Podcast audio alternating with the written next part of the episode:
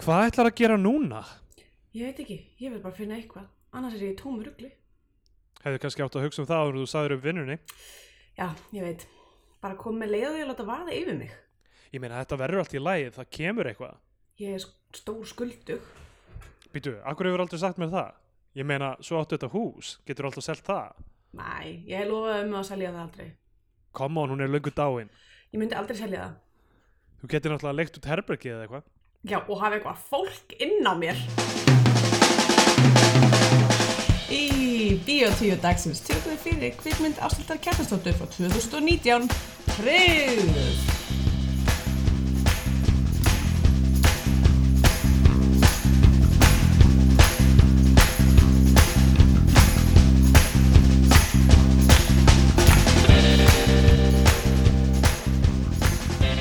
Já, komið heil og sæl og velkomin í Bíó 2, hlaðvarpið um íslenska kvikmyndir. Ég heit Andrea Björk og hér er Sindar Grytar. Góðan daginn! Góðan daginn.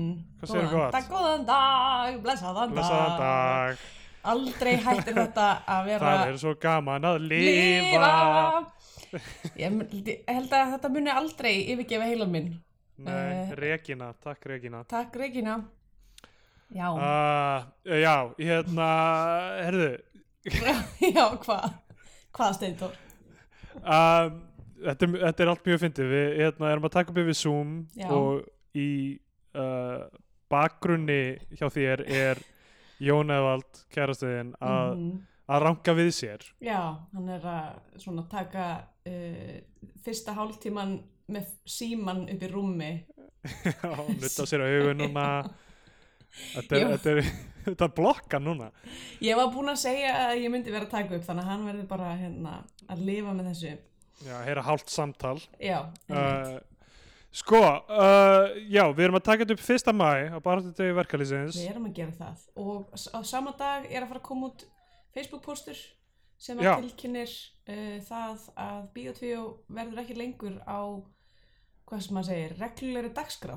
Nei, um, fyrsta júni, uh, sagt, næsti þáttur eftir, þannig, uh, eftir þessum sem kemur út uh, verður loka þátturinn okkar um hvítan, hvítan dag, nýju, hérna, nýju it myndina Já, einmitt. og uh, það verður síðast í reglulegi þátturinn okkar. Við ætlum í að taka okkur bara sumafrí og Mhm. svo ef okkur berast einhverjar myndir í framtíðinu og við erum í stuði þá tökum við fleiri myndir en Já, basically. Uh, við, erum bara, við erum búin með myndirnar sem að, hérna, Þetta er svo fyndið sko af því að Jón er í bakgrunni. Þetta er eins og í hérna, Austin Powers myndunum það sem, það sem eh, ok, Elizabeth Hurley er eitthvað er eitthvað svona að sk- skæpa við mömmu sína. Já, og, fyrstu myndinni það sem hún er hérna uh, Vanessa og, og hérna og mamma hennar er að tala um hvað Austin Powers hafi verið heitur þegar hann var ungur og hann er í bakgrunni að vakna og er að lappa um nakin já. en hún er alltaf með svona kaffi bolla beint fyrir tippinu hans eða eitthvað hann það var svona dálítið þannig þetta var nákvæmlega þannig. Mjög góð bakgrunn, bakgrunn svona senuvinna í gangi hjá Jóni. fólk er að hlusta á þetta og er bara eitthvað, já, er ekki bara fínt að þetta podcast sé að klárast Já, nákvæmlega. Það lýsa því að Jón sé að fara fættur. Hérna, en já, það, að ástæðan er svo að við bara erum ekki menninar fleiri myndir og Já. ég efast ekki að það muni, þú veist, við eigum ekki margar, það margar eftir. nei, nei, Eh, og flestar eru ófánlegar. Við ætluðum að fara til Íslands og hérna ná að horfa á okkur myndir bara í, á rúf og okkur svona í einhverjum já, söfnum. kvikmyndasafninu við náttúrulega getum hverki, hverki farið núna. Nei. Þannig að það er ekki á dagskrá. Já, þetta, þetta myndi alltaf vera eh, eitthvað róf á línulegri dagskrá. Einmitt.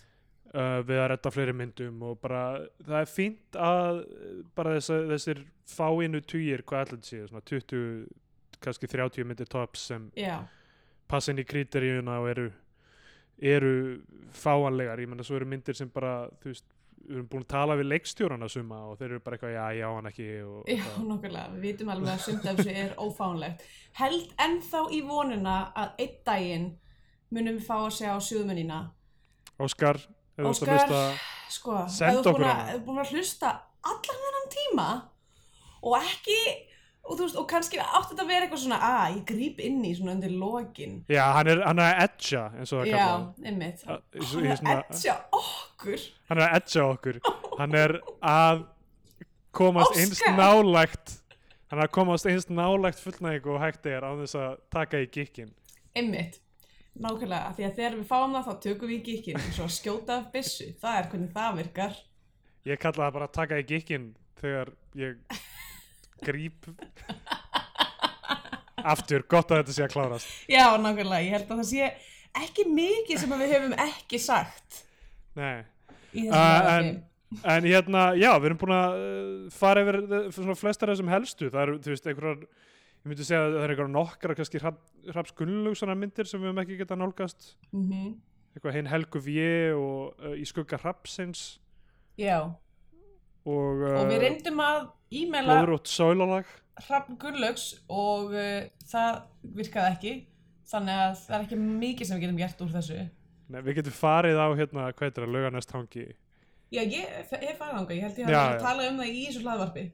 Við getum brotist inn og farið þarna er ekki einhver svona sjópottur einhver svona heitur pottur Jú, með sjó er eða eitthvað? eitthvað svona flóðlaug í kjallaranum? Já, sem er eitthvað svona að hálfu hittaveitu vatn og hálfu bara eitthvað þá sjór og það er stýtt af Jésu Krist sem fyrir bónir ef þú tógar í spotta. Þetta er allt eitthvað sem við höfum talað um. Þannig að uh, ef einhver er með te tengingu við rapp býðan um að senda okkur myndir. Mm. en annars þetta er ekkert eitthvað margt uh, sem er ég meina stella í frambóði já, einmitt. Þú veist að þetta er ekkert eitthvað rosalegu listi sko. Þetta, þetta, þetta er ekki margt sem svona fólk er búið að vera að æpa á Nei, það er eitthvað bara mér þannig að það er kannski svona þrýr, fjóri titlar sem að þú veist uh, væri já, gaman að fá að taka en, en ekkert, ekkert eitthvað svona, við, ég heldur sem ekki að missa mi- rosalegu íslenskri kvikmyndakarnu.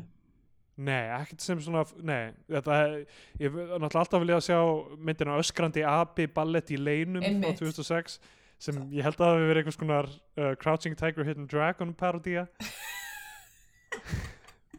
er það ekki? Ó, ég var að sjá fyrir mér eitthvað svona, eitthvað svona algjört bara svona body art, eitthvað, eitthvað svona movement piece. sko ég, hérna, ég gerði snýla áskrifandi að Criterion Channel Heyrðu, ert þú búin að gera það? Ó, Já, öfundsýn. og ég mæli mjög sterklega með því það er ógeðslega góðar myndir þar sko. Hvað erum að, hvað erum að tala um að þessi marg, margar clams? margar clams uh, þetta er svona, ég veit ekki, eitthvað 9-10 clams á mánuði 10.000 kall? ha, nei, nei, 9-10 dollarar ok.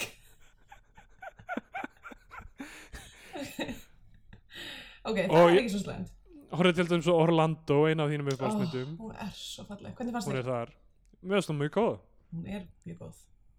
uh, hérna og já, bara, ó, bara fullt af virkilega góðum myndum þar sem bara, hérna hver annar er betri? Og þetta er svona myndir sem er mikið af bíómyndum það sem er búin að vera eitthvað svona oh, á ég að dröslast til að horfa á þessa? Eða, þú veist, eða ég meina, jú, fólk tala vel um þessa en getur hún raunverulega verið góð svona bara út frá árinu sem hún kom út eða, Mm. eða plaggatinu, þetta er rosalega mikið af svona þannig myndum sem ég er eitthvað svona ok, já, já, allir ég ætti ekki að horfa á hana af því hún á að vera góð. Og svo Mm. er það bara geggjaðar. Svo er það bara, þú veist, myndir sem þrátt fyrir að hafa komið út fyrir þú veist, 50 árum eru bara mjög góður taktur í þeim og ekkert eitthvað svona sem eldist ítla en eitt þannig sko. Já, ok. þannig að hérna uh, það, það er mjög gott og, og, og ég er svona að hlýna mjög mikið og, og svona ferlið í gegnum þetta podcast ég er búin að hlýna mjög mikið gagvart svona bara artsy kjaftaði sko. Já, varstu, varstu mótfallin artsí kjæftaði? ég var það ekki, ég held ég hef bara ha- haft minn, minni þólimæði fyrir því sko. Já. Sem, sem var, þú veist, núna er ég bara eitthvað please, getur verið bara ekkert plott í þessari mynd og bara, og Mm. bara eitthvað styrlað Já, já, já.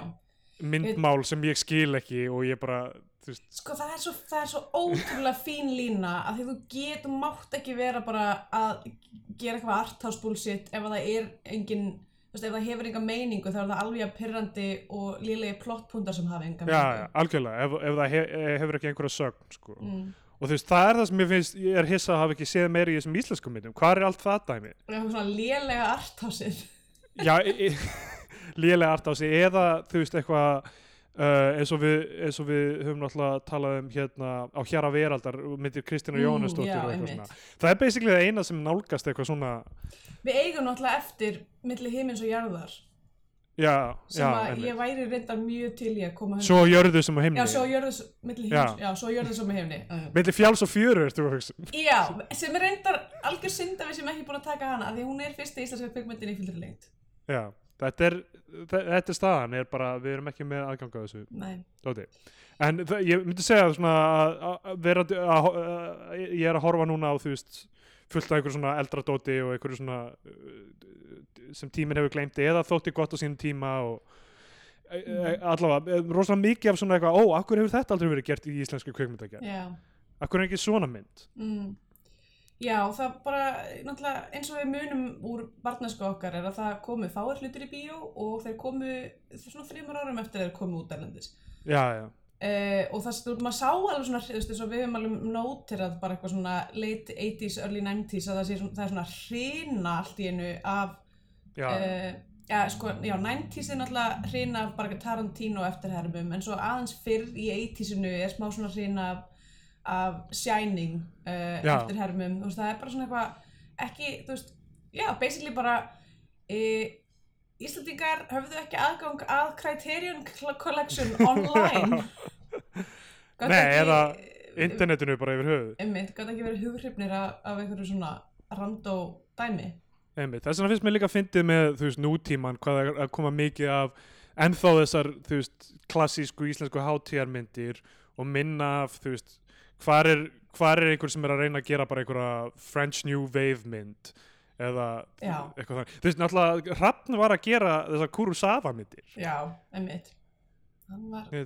hann, hann náttúrulega líka fór ég veit ekki hvernig svona íslenski leikstjórar hvar veist, hver, hvernig það skiptist niður hvar þeir voru að læra versus líka bara hvar, hvort þeir lærðu um, þú veist, náttúrulega að læra bara on the job um, Já, já. en hann allavega fór til Svíþjóðar sem að ég held að sé ekki alveg algengt og Kaupmannahöfn eða New York Nei, nei. Og þú veist, og, það er, ég meina, maður hefur ekki séð eitthvað svona Cronenberg body horror í íslensku myndum. Nei, Er einhver svona Lynchian, þú veist, sko, það var Tilraunir. ég, er búin að vera að hugsa alltaf oft um hérna rökkur myndina já, sem að var eitthvað svona, held ég eitthvað svona tilraun að eitthvað þannig já.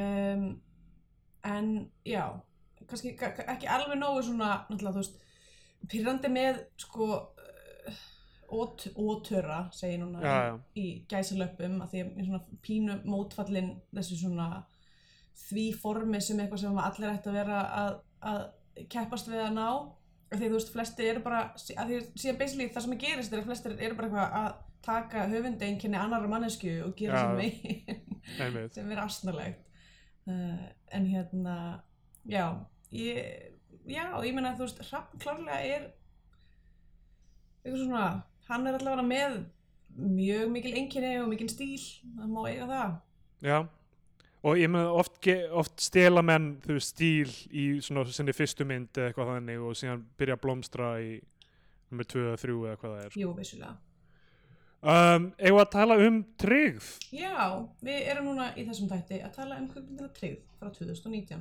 Já, komið til fyrra Mhm. uh, eftir ástildi Kjartansdóttur uh, fyrsta myndin hennar í uh, fullri lengd já hún uh, hefur samt lengi unnið við kveikmyndir Mhm. var skrifta í Dalalíf og Skamdegi já, uh, sko, það er náttúrulega bara eitthvað heitur það mjög langt síðan. Já, já, það eru 36 ár síðan uh, Dalalíf kom út.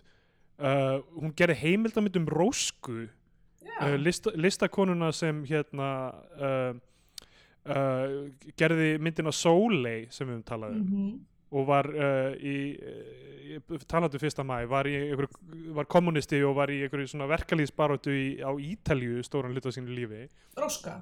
Já, Roska, já, Já. og uh, hérna heimildamind sem ég lang- langar eiginlega bara mjög mikið að sjá núna sérstaklega eftir að hafa séð Soleil já. Sem var, það, það var mynd sem var allt öðru í síðan Já, það var mynd sem var að reyna einmitt, eitthvað, þú veist, eitthvað drömkenda skringi hérna, eitthvað svona Einmitt. Við ættum eiginlega að fara yfir sko í loka þættinum eða þú veist, loka, hvort sem það eru loka þáttur eða ekki. Það verið gaman að tala einhvern tímann um þú veist, hvaða mynd langar mann að sjá aftur? Já, við náttúrulega horfðum aftur á Foxtrot. Já, Foxtrot er eina myndin sem ég hort á í annað sinn eftir að Já, við byrjuðum einmitt. Sem segir kannski eitthvað um, að ég veit ekki, það er ekki oft sem ég horfa mynd tvisar á þryggja ára tímabili þryggja, fjóra ára tímabili. Eins og ég var að horfa Back to the Future aftur, ég held ég hef ekki hort á hana í þú veist, tól, eh, tíu, tólf ára eða Já, einmitt. Sko, og aftur að hafa hort á Foxtrot í annarsinn þá myndi ég 100% horfa á nýtt því að sinn. Já, algjörlega, sko. Eða þú veist, ég myndi sko, ef, ef, ef ég væri, segjum ég væri með að hanga með einhverjum sem ég þykir mjög vænt um og þau myndi segja, og við varum að finna bíómynd og þau myndi segja eitthvað svona, vá, ég valdi að sé Foxtrot, þá myndi ég vera bara, setja mig í gang, núna.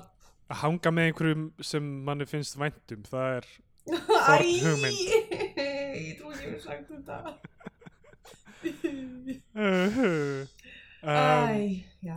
Já, eins og segir, taka þetta upp fyrsta mæ Klálega kannski þá bara verður síðasti þátturinn svolítið veglegur ef við tökum saman eitthvað svona, Já, svona, horfið yfir, horfið yfir, farum veg.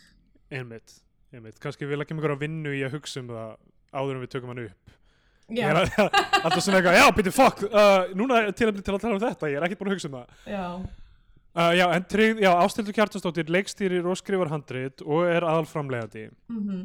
og þetta byggir á já. Tryggðarpantur eftir Auði Jónsdóttur frá 2006 Tryggðar Tryggðarpantur. Pantur? Tryggðarpantur. Svona eins og eh, hún heitir The Deposit á ennsku og það er í rauninni. einmitt. Ég hef bara aldrei hitt þetta íslenska orð. Ég mann þegar þessi bók kom út og fólk fara að var að tala um hana og hérna fyrir núna 14 árum. Já, svo kemur þessi mynd. Uh, ég las hann aldrei sko. Nei, en mér skilst að þessi bók gerist í óræðri evróskri borg en ekki eitthvað sérstaklega í Reykjavík. Já, ok. Ok, fara, fara í þetta. Mm Gerum það. Sko, já. Við sjáum þarna sko fyrsta allra fyrsta sagt, myndbroti sem við sjáum er hérna Elma Lísa. Já, uh, og bara svona að loka hurð á eftir sér, svona hallar sér upp á hurðinni og bara, hún er bara svona grá, í ykkur losti grátandi nánast. Já, og svo er allir bara köttað aftur í eitthvað annað. Já. Veist, svo bara sjáum við hann eitthvað svona vakna og er hún eitthvað hangandi heima hjá sér að hlusta á tónlist og, og, og hérna, drekka kaffi og fara svo í vinnuna. Já, ég veit ekki, og, og núna þegar ég hugsa um það meikar þetta ekkert sens þetta, þetta fyrsta atriði. Nei sko ég, ég held sko, ég held að eitthvað hafi breyst frá því í bókinni. Uh, ég veit ekki alveg hvort eins og ég segi, ég hef ekki lesið bókina en ég var bara eitthvað að reyna að googla þetta. Ég veit ekki hvort að alpersonan í bókinni er blaðamaður eins og Elma Lísa þarna mm. uh, og sko ég held að málið í þeirri bók var meira sko hún er skuldug upp fyrir haus og bara er að fara að missa allt einhvern veginn einmitt. mér finnst ekki sama áhersla lögð á það í myndinni það kemur fram Nei, en, það er aldrei neginn raunverulega hætta Mhm. uh, uh, sko ég, ég verið að segja strax á myndi byrjaðan, mér fannst þetta aldrei svona skotind aldrei eins og bara svona sjónvastáttur Já, sko, ég hef ekki mikið að segja um hvernig hún var skotin af því mér fannst það bara mjög með svona, þú veist, það var ekki, eða jú, ég hef reyndar eitt um það að segja og það er að um, mér finnst bara ekki sett neitt sérstaklega mikil hugsun í skotin. Já, ég tek 100% undir það. Ég myndi segja að ok, ég, ég er með mjög stór, stórar mikla skoðanir Ég, um ég hvað- sem, ég vissi svo sem að það myndi gerast að því fjallar um bara eitthvað bladamann. Já, já, algjör, ég er með mjög mikið að segja um það en ég er með, ég er með svona kenningu um hvernig þessi mynd hefði geta orðið algjör negla í rauninni Já, einmitt. en, en sko, ég held að það hvíla eiginlega mest í því hvernig uh, hvernig uh, stíl hún er í sko. svona visual og Já, Og hérna, bara tempo og, tempo og svona hvernig hún spilast eiginlega út. Já, sko ég... af því að þú veist það er eitthvað ok, við ætlum að tala um hana kannski me, áður en við förum í þessar pælingar. Svo hlustandi viti eitthvað hvað við erum að ég veit ekki hvað sem mikla aðtekli um vak- vakti í fyrra. Ég bara tók ekkert eftir henni. En ég er alltaf bý ekki á Íslandi þannig að ég, þú veist, það er ekki heldur. Maður er svo disconnected stundum sko. Já, hún sem sagt er bladamæður og það byrja, eh, það fyrsta sem gerist eiginlega sko er að hún segir upp á blaðinu sínu, fréttapóstinum. Mhm, af því að rítstjórin tók einhverja grein sem hún skrifaði og algjörlega endur skrifaði hana.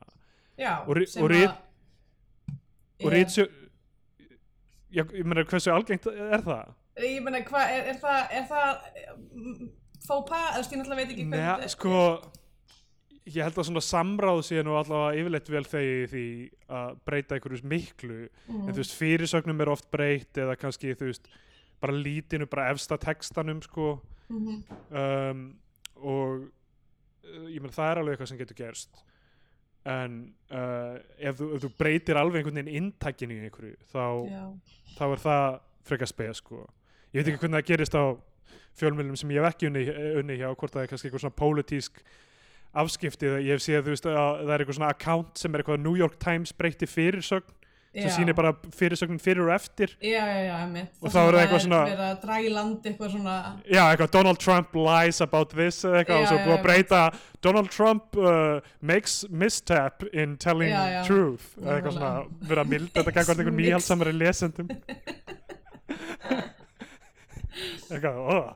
uh, og en, en hún sem sagt skrifaði einhverja grein og, og reisturinn er bara eitthvað herðu, þetta var ómöguleg grein, ég bara breyti henni. Já, og hún er bara, ég segi upp. Og hann er ok, flott. Og þarna, veist, þarna finnst mér eins og það sé verið að byggja upp sko, hún er góðu blaðamæður sem vill segja sannleikan og eitthvað svona einmitt. Svo bara fer það smá sem að kemur í ljós að hún er ómögulegur blaðamæður Já, hann er mjög lélegu blaðmaður og þetta var Já. kannski bara gott fyrir alla Já, að hætti á þessu blaði. Mjög líklega og það er það sem þessi mynd gerir á daldið áhugaverðan hátt uh, en allt of seint held ég er að breyta okkar perception á henni. Já, af því að hún, hún byrjar þarna hún, hún er, það kemur í ljós, hún er að tala við vinkonu sína sákarættir sem er mjög fyndið sem er bara svona eitthvað sounding board fyrir hana. Já Sko þessi fyrsta exposition sena það sem Já. að sko, við erum búin að sjá bara eitthvað svona hún les blaðið, sér greinina sína fer í vinnuna og er eitthvað ég hætti, eitthvað veist, það gerist allt bara á tveimur mínútum eða eitthvað. Og Einmitt. svo aftur á þessum, þú veist, strax eftir það við fáum ekkert eitthvað svona þú veist, það er, ein, það er ekkert verið að anda með, þú veist, myndmáli eða neitt, þú veist, við fáum ekki þú veist, það er ekki verið að byggja upp neitt í karakter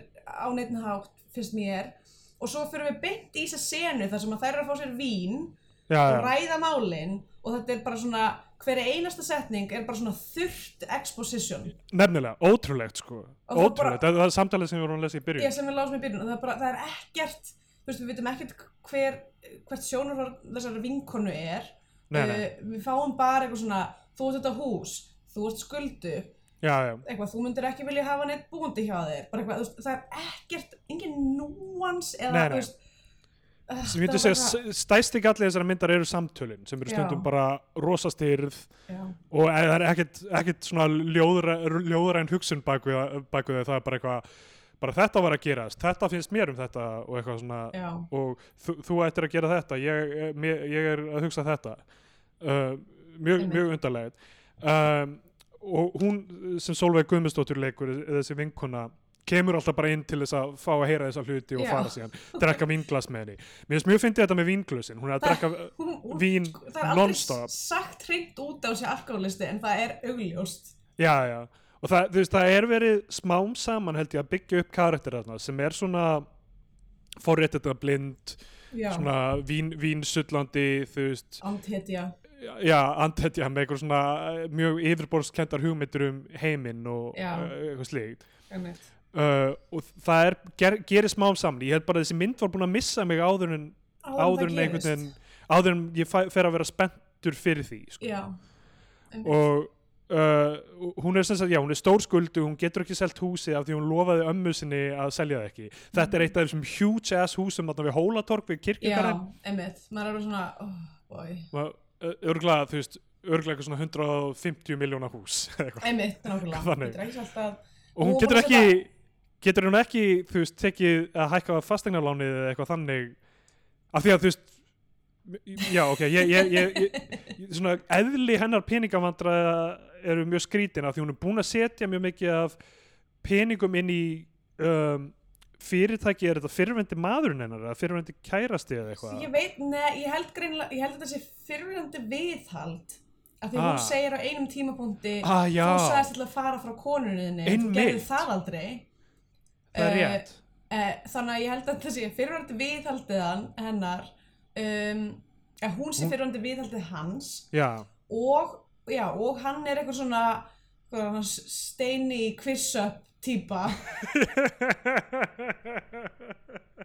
Það sem var, sem var örglega típa sem var ekki þannig árið 2006 þegar bókin kom út þannig að þetta, þetta, er, Nei, þetta er svona einhver, einhver búin að horfa á íslensku sprótabóluna já, hann er ætla að vera með eitthvað startup og er bara eitthvað að, eh, að fara á hnifunum í gegnum einhverja já, já. endurfjármögnun.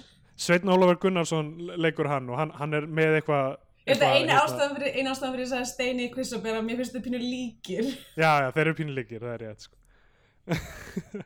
Uh, og já, og hún er búin að lána honum eitthvað fullt af pening það kemur ekki fram að hún hafi, þú veist lánað honum með því að taka fastegnarlán eða eitthvað þannig Nei, hún sagði hún notaði arfinn sinn. hún notaði arfinn sinn einmitt Já, hún fekk arf frá ömmu sinni líka. hún fekk arf frá ömmu sinni og erfði húsið ég Já. skil ekki hverju þessi peningavandræði félast öðru en að hafa pening til þess að þú veist, kaupa sér þessa vínflöskur alltaf Þetta er mjög dýrar vínflöskur. þú veist, þetta virðist vera bara svona þú veist, Já. vandamál með bara uh, cost of living í rauninni, sko Já, ég held að þetta sé samt, ef, við ætlum að vera mjög svona, uh, svona gefa, vera eins jákvæð við getum mögulega verið, já, myndi já, ég segja, þú veist, að þetta sé, eigi að sína, þú veist, hversu mikil fortundi er og þú veist bara eins og hún segir bara ég get ekki verið með eitthvað fólk búandi inn á mér, veist, einmitt, einmitt. sem að, veist, sem að ég, þegar ég heyrði þessa setning, þá var ég bara, fullt af fólki hugsa þetta, fullt af fólki er bara eitthvað, ég vil frekar lepja dauðan og skél, heldur en að búa með annari mannesku af því það, þetta er svona, þetta er sama uh, í sömu, á sama leveli og þú veist, að fara í strætó. Eftir einhvern ákveðin tímpunkt í lífiðinu þá getur ekki hugsaðir að fara í strætó af því það er bara eitthvað svo ómögulegu hlutur að fara í strætó. Veist, það er svona, þetta er eitthvað svona stjættavitandi Íslendingum sem að veist, fólk segir aldrei út í hreinum orðum Nei, en nei. lifir 100% já, já, og svona, þú veist, svona hummar fram á sér þegar það kemur upp eitthvað, taka strætó, nei, nei, ég, ég rætti þessu einhvern veginn já, einmitt. Bara fáránlegt. Um, þannig að hérna ég, sko ég held já, það, það, þú veist ástæðan fyrir ég er að pæla svona mikið í nákvæmlega hverju þennar peningamandræði felast er af því að þessi mynd spilast út sem bara svona framvinda, þú veist, maður fær upplýsingar um hlutina, þú veist, það er alltaf verið að segja hlutina alltaf beint út. Eina sem að maður hugsaði er bara hv- hvaða ákvarðanir tekur þessi kona? Já, já, og það sem þessi mynd uh, svona fyrsta sem byrjaði að tröfla mig er skortur og svona specificity. Mm. þú veist, það er ekkert verið að kafa rosalega mikið af því hún fær þessar leyendur sem eru innflytjendur. Mhm. og það er ekkert rosalega mikið verið að kafa í hver þau eru eða hvaðan þau eru. Það, það kemur svona eitthvað, ó já, þú ert frá þessu landi. Og það, það er basically the extent af upplýsingurum sem maður fær þú veist, Já. og að ég þekkti einhvern sem dó eða whatever, sko, þetta er já, allir í þessari mynd þekki einhvern sem dó. Já. það mistu allir einhvern. Já, og það, þú veist, það er lítið verið að, myndin er mjög almenn. Þú veist, það er ekkert verið að fara í neitt sértækt. Einmitt. Og það- það er svona- svo er einhverjum hlutum svona hent inn eins og einhverjum tímapunkti segir Elma-Lísa að hún hafi átt bann Já, að hún hafi mist badn að hún hafi mist bann en svo er það aldrei notað aftur nema við sjáum bara hvað alltaf þegar þegar uh, að Beba er, er að eitthvað svona, segja eitthvað svona hei, farðu bara að gera þitt eigið bann, þetta er mitt bann Já, að þá er hún alltaf eitthvað svona ný nákvæmlega. Svo er þetta aldrei notað almennilega. Em, ég- Sko, ég held ah, þetta er, þetta, þetta dauða barn Tjekovs og, og það var ekki notað í þriðja eftir Nákvæmlega, það kom ekki draugabatn í lokin Nei, ég, það, það, þetta, er dæmið með þetta sko, er að, að veist, ég er ekki alveg viss um hvað þessi mynd vildi vera hmm. og, og veist, það trubla mig svo mikið af því að það er, veist, áður en ég hafði séð þessa mynd, á, á, ég var eitthvað á letterboxd að skoða íslenska myndir sem við með ekki séð og, Mhm. og sá þessa og umsagninnar voru hræðilegar, þetta voru allt bara einna stjórnu, bara þetta er bara eitthvað white savior kjaftaði já, og og ég var bú, að búa mig undir bara algjörlega tone deaf uh, eitthvað svona liberal fantasíu frá því fyrir þú veist 15 árum þegar bókin kom út. Mm, já, en svo er þessi mynd ekki það heldur eru þarna hugmyndir sem eru mega áhugaverðar og það Mhm. eru pælingar en bara það tekst ekki. Og, og held ég af því að það bara skortir ákvörðunum bara ég ætla að fara alla leið inn í þetta dæmi. Einmitt. Og, og þú veist, er, þetta er of almennt of hérna of mikið bara svona framvinda af atbyrðum, en ekki tilfinningarnar bakvið þetta. Þetta er nefnilega pínu fyndið af því þetta er, myndi ég segja, að veri uh, óalgengari uh, svona óalgengari staða sem kemur upp að borð hjá okkur þar sem að efniviðurinn er 100% til staðar en Já. þínpúsið vantar það er svo ógeðslega oft að hinvegin það sem að bara eitthvað svona, það voru svo vel framkvæmt það var vel skotið en bara Þú- það það fjallaði ekki um var neitt áhugavert, sko. þetta er ó- óspennandi. En hérna er efniviðurinn til staðar. En, en á móti kemur er það bara allt svona öll dítelvinna og þú veist ákvarnataka er einhvern veginn ekki nógu afgerandi Einmitt, Vi, við erum komið komi rosalega djúft í hvað okkur finnst um þetta á þess að við um höfum einu sinni talað um ok. basic, basic fyrsta hérna, initiating incident sem kemur þessu alltaf stað sko. Að hún, er, hún er skuldu hún er, hún er að, ok, hvernig get ég þú veist, díla við þessa hluti Mhm. ég skil ekki, aftur, ég skil ekki hverju skuldundar eru af því hún notaði arfin í þetta allt saman kannski er nú bara að lifum efni fram, hver veit uh, það er blað sem heitir Nefin og er rekið af Theodor Júliusinni af, bara af heimilið hans Já. og þetta er eitthvað skonar uh, svona þjóðvilja um, afsprengi Mm. að hann er með plaggöt af þjóðviljanum uppi hjá sér og, Mhm. og hérna og Noam Chomsky kvót á vegnum og eitthvað svona Já. og uh, gaman svona fyrsta mæ að tala um, tala um þetta þetta er eitthvað svona uh, já, þetta er, þetta er svona verkalýðs vinstri sinna al, alþjóða sinna blað einhvern veginn sko, af því að hann, hann hún kemur til hans og spyr má ég ekki skrifa fyrir því ég er reyndur blaðamæður var fyrir þetta póstinum. Hann er ok, flott. Uh, skrifaðu grein um innflytjendur og húsnæðismál þeirra. Og mér finnst þetta mjög fyndið af því að einmitt, hjá stundinni fyrir að Jón Bjarki Magnússon blaðamæður uh, skrifaði mjög áhugaverða úttekt á húsnæðismálum innflytjenda uh, sérstaklega innflytjenda sem koma tímabundi til að vinna eða hælisleitenda eða, eða sagt, þeirra sem eru búin að fá stöðu sem flóttamenn og slíkt uh, mjög áhugaverð úttekt um þú veist, allt yðnaðar húsnæði sem er búið að breyta eitthvað svona, sem er síðan það sem basically hún ætlar að fjallum og þessi mynd fyrir inn í. Þannig ég mæli með að, að fletta upp þeirri umfjöllun uh, se, uh, hérna, ef, ef fólk hefur áhugað þessu máli. Og hún er eitthvað ok, já flott, innflytjendur áhugavert þetta er, þú veist, og maður fær á tilfinningunni af því að það er búið að setja upp sko að hún hafi hætt frá vinnunni af því að blaðið vildi ekki segja hennar sannleik skilur, að hún sé með einhverjar sterkar pælingar eða, eða þú veist, metnað til að skrifa um þessa hluti. En svo reynist hún bara í rauninni, sér maður strax að hún veit ekki hvað hún er að gera. Hún stoppar random, hérna Slatko Kirkits er hjól, hjól, uh, hjólandi fram hjá húsin hennar. Já, hann er svona, hann er hérna uh, í uh, hjólarum vesturbæina að safna flöskum. Já, og hún bara Where do you live? Where do you live? og hann er eitthvað! Hvað meikar ekki að tala við þessa mannesku sem kemur út úr fína húsin og byrja að hrópa á hann Where do you live? Já. og hún eldir eldir hún hann ekki til að finna þetta Jú, innanhús? svo, bara, svo byrjar hann bara að hjóla á eftir honum. Já, Bara eitthvað, þú veist þetta, mér finnst áhverð af því að þetta er, þú veist, þetta er allt þarna þessi, þessi nett klikkun og aftenging við mm, svona venjulegt fólk Já. þarna en ég, ég átti svo erfitt með að pikka upp á því og þess vegna f- svona hu- hugsandi tilbaka þá er ég bara eitthvað, þú veist, er, er þetta vel gert eða ekki, af því að það er byrjað að þú veist, af því hún er svo styrluð sko. já, en, hún er að, emmitt, já, sko, að þú meinar það að við föttum það ekki fyrir allt en eftir á, myndina á. sko. Já, Já. ég held að hefði mátt gera það betur að, að svona, svona pipraði hægt og rólega inn að hún sé klikkuð í rauninni. já, já, en Um, aftur þarna held ég að sé og einhvern veginn stíllinn á mér. ég, ég, ég hata að segja þetta en ég held að partur af því sé líka bara hvernig Elma Lísa leikur hana. Já, veist, eða, þú veist, ég veit ekki hvort að það sé þá skortur á leikstjórn eða þú veist hvað það er en allavega það bara, þú veist, ég fekk ógstlega lítið úr hennar performance. Já, ég, ég tek undir það. Ég held að, held að það hafi líka með að gera bara að framvindan er rosalega flöt sko. já, og ég held að aftur erum við að fara að tala um myndina í, í veist, large strokes en ég held að, ég held að st st stóra er veist, tilfinningarnar sem hún byrjar að finna þær sína sig ekki nema í þú veist bara einhverjum svona snæt fram og tilbaka við uh, hérna le leigjanduna einmitt. en þess að hún fer í þetta ólega húsnæði og uh, er eitthvað, hvað er í gangi hérna þú veist, átt, átt þú þetta hús og, og hann, hérna Guðmundur Ingi er hérna eitthvað, herðu, já, nei, bara ég ætla ekki að svara henni spurningum frá þér og, og býður hérna eftir finnur sem sagt, það er tvær konur uh, og dóttir annar þeirra Mm.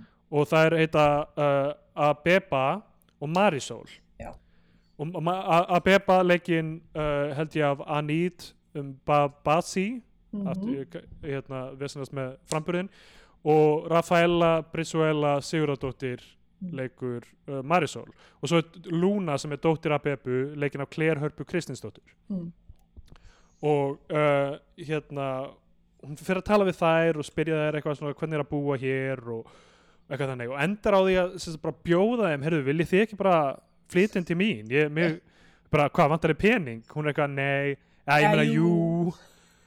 uh, það er líka bara, já ómögulegt að búa hér og það er nóg pláss í minn íbúð Mm. og þá byrjar þetta dæmi sem er í rauninni, þú veist stóra allegorían í þessu er að í, í, húsið hennar er svona mikrokosmos fyrir Ísland, hvað var það innflytjandamál Já, og þetta er, þetta er allt mjög ský, skýrt í rauninni skilur veist, að hún að fá leyendur inn til sín er eins og Ísland að fá innflytjendur já, upp á Uh, þú veist, innflytjendur vinna vinnu, borga skatta, já, alveg eins og allir aðrir, en það er komið verð fram með þá. já, fá ekki þeir sjálfir það eru gerðar Mm. öðruvísi kröfur og e eitthvað þannig sko. og Mhm. það er síðan bara spilast út restina myndinni sko. Einmitt. Og þegar það verður dálítið ljóst þá er maður bara ok, ok, ég skil þú veist, þetta er dálítið svona einn á móti einum skýrt Já, skýr speklun einhvern veginn. Einmitt. uh, uh, og uh, þær, þær flytja inn og sem sagt á erfitt með að finna skólan sinn af því að þú veist hún alltaf uh, er ekki úr þessu hverfi eða þú veist er annars stóru hverfinu eða hvað það er. Þannig að uh, Elma Lísa lappar með hana uh, í, í skólan lappar í gegnum Bakko sem við höfum séð miljón sinnum Já, einmitt. bíódögum í rekinu einmitt þegar lægið var tekið upp og ég vaknaði við á sunnudagsmotni því ég var Fyrir, Tíu ára eða eitthvað. fyrir hérna, long time listeners, þá er þetta algjör gullmóli þarna. Bæði búin að í syngja. rekinu þættir Um, uh, og og hérna er, er að svona hún, hún er svona semi að vinna vinnuna við að skrifa þessa grein samhlega því að Já, þetta er í rauninni sko, það að fá þær til þess að búa með sér er svona tvíð, þú er að nota það sem inspo og, og hérna, uh, veist, heimild í rauninni já, já, og líka, þú veist, taka þeim leigu.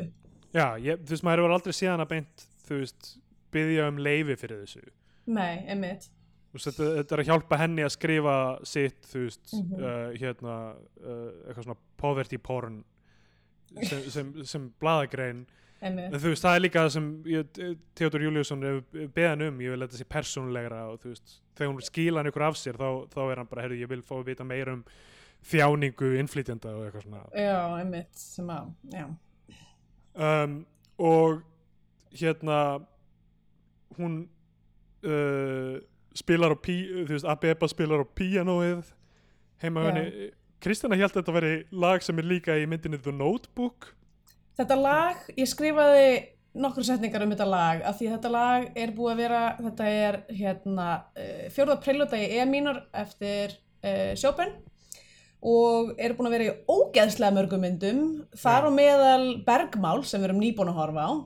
Já, uh, og ég, eina sem ég er að segja bara Chopin gerði svo mikið það verum lögum bara þarf alltaf að vera þetta lag nákvæmlega ég er búin að sjá það sko í svona sex myndum á síðustu tveimur árum Þetta er, þetta er eins og hérna, Nessun Dorma og, og allt þetta dót sem er eitthvað aftur og aftur Já, sko það er náttúrulega komið á stað þar sem það er í rauninni bara svona, þú veist, farið að vera að vísa í aðra hluti. Já, já, nákvæmlega En, en ég, mér líður eins og þegar fólk velur nákvæmlega þessa Chopin-prelútu, þá er það eitthvað svona, þetta er áhugavert val, bara eitthvað, Já. nei, það er það ekki.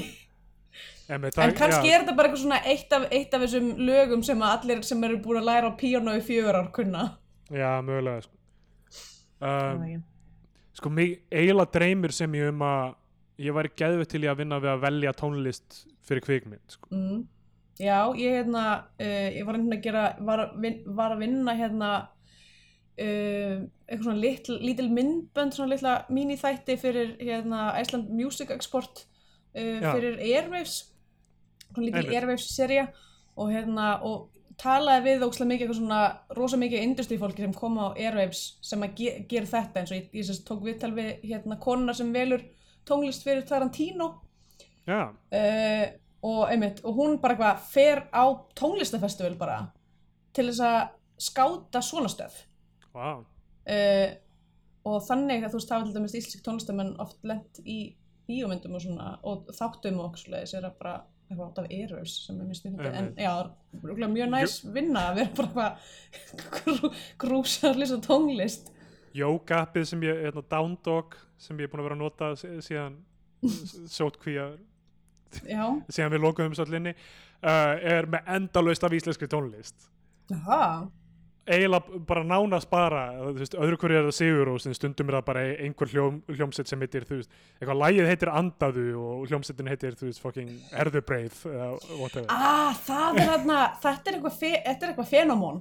Ég mun aldrei geta ekki sagt fenómon. Það er bara, ég er búin að sætta mig það að Anthony fenómon Hopkins með Anthony Hopkins, er hvernig ég mun alltaf segja þetta orð í íslensku samhengi, allavega. Já. Það er eitthvað ákveðið fenómon, uh, með, ég held mér að sé nákvæmlega þetta herðubreið, whatever, sem er svona tónlist sem er bara búin til fyrir Spotify playlista.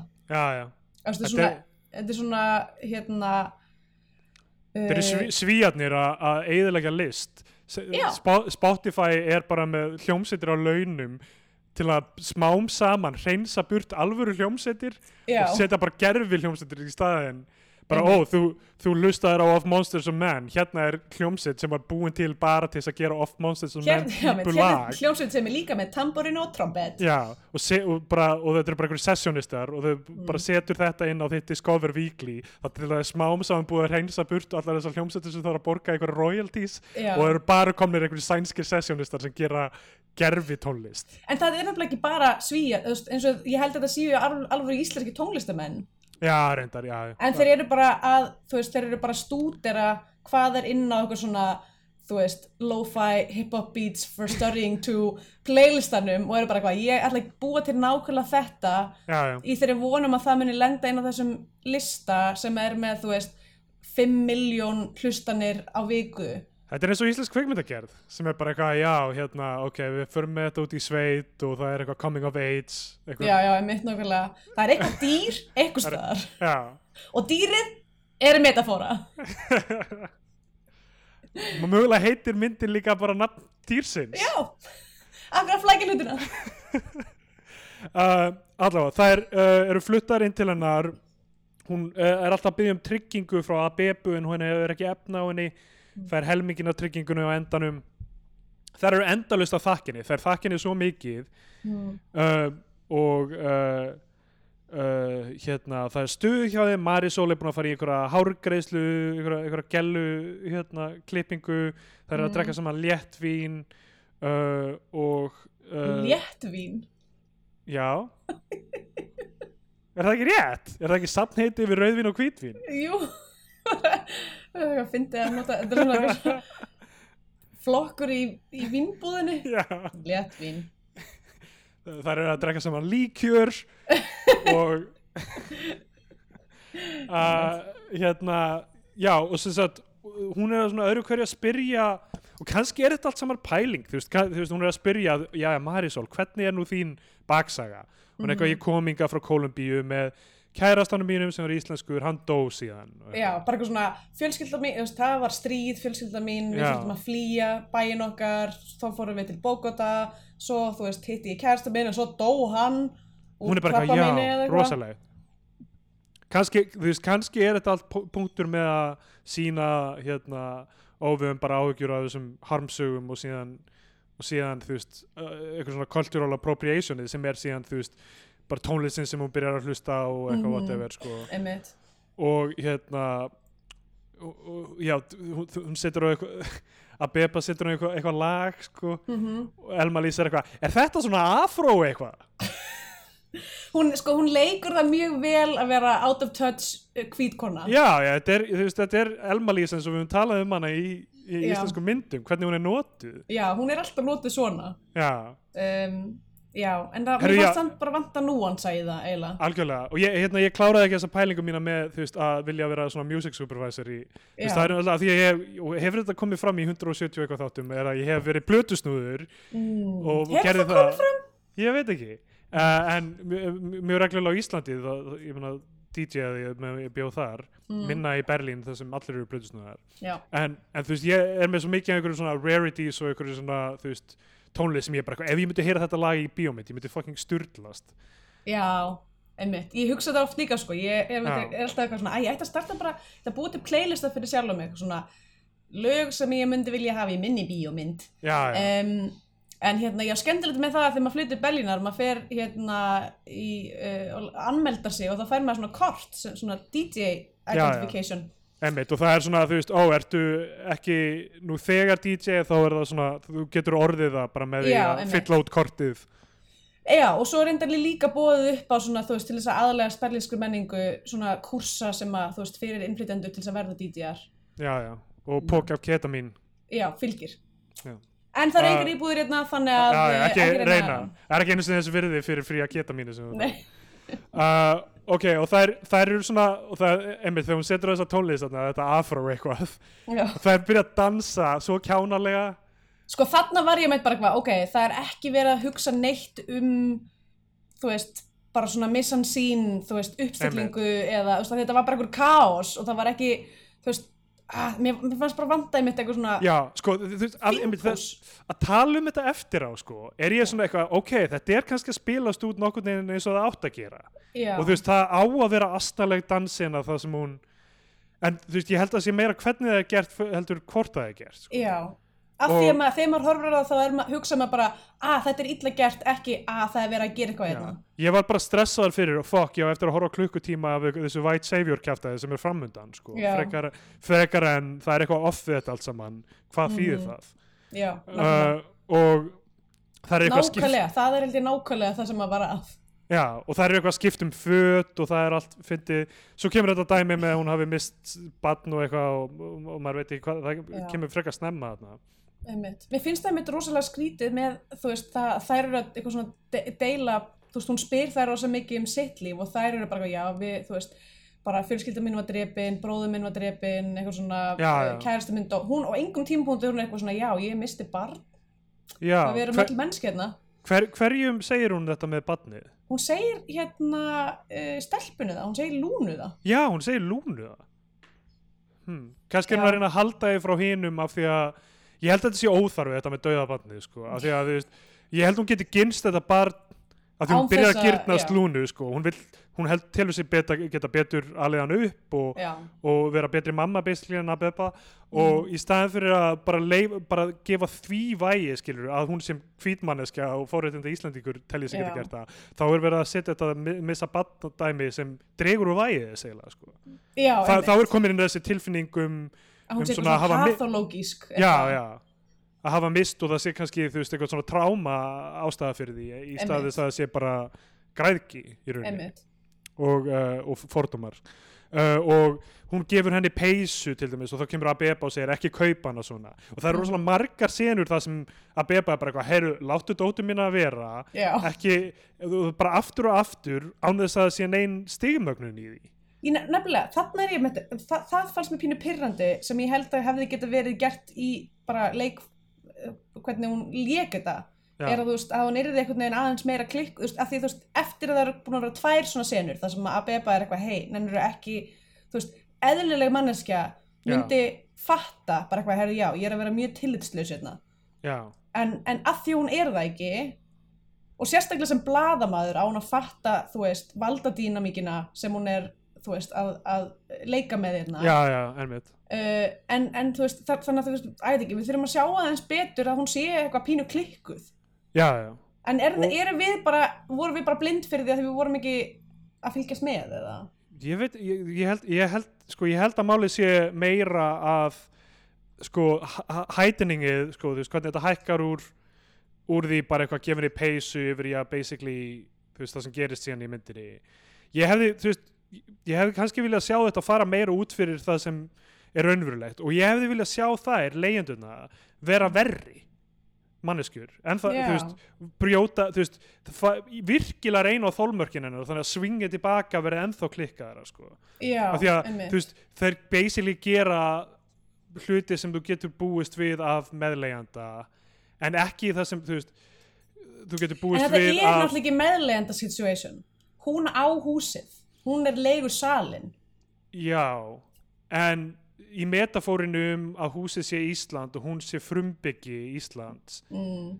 þá í rauninni, þú veist er, er hún að, ætti hún að vera að beita valdi sínu sem húseigandi með sama hætti, þú veist, og þú beitir valdi þínu sem hvítur Íslendingur Mm. uh, frekar en að sé nákvæmlega, þú veist, hvernig veist, það, við eigum öll að búa einna saman. Hún segir mi casa er svo casa og allt það, það dæmið, sko, í Já, byrjun. og, og er einmitt eitthvað svona fyrst rosa mikið bara svona, já, bara láta eins og þessu heima hjá ykkur. Já, já, og bara notið fötin mín.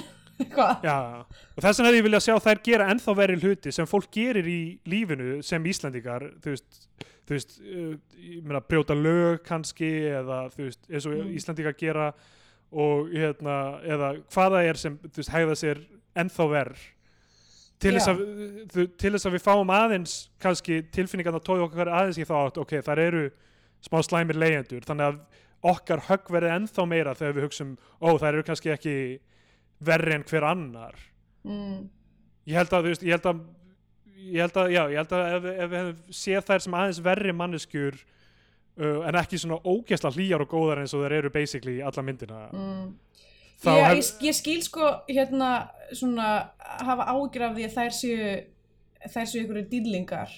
Þær eru það ekki, er alveg, þær eru ekki alveg dýrlingar. Nei, nefnilega En- ekki. En, það, eru, það, eru það er svona mismöndi stígaði sko. Marisol er svona meira uh, svona uh, meiri sáttasemjari og hérna svona mjúkari. En svo er Abeba er bara svona hún hefur virðingu fyrir sjálfur sér og hún hefur já, greinilega- já, það er á einhverjum tímapunkti þá svona að því að Elmlísa, karakter hennar er eitthvað svona að flettinu, að reyna að finna meira út um hana og hún virðist hafa verið partur af eitthvað svona uh, demokratisk uh, já eitthvað- réttindabaráttu já. og er í rauninni pólitískur flóttamæður Já. tæknilega séð um, og, Og- já, hún já. þannig að augljóslega hefur miklu meiri svona agency sem sagt að beba og, og sýnir það er bara eitthvað, hei, ég má eiga kærasta þú veist, já. ég má, ég má vera með fólk hérna í heimsókn, bara þú getur ekki komið svona fram við mig.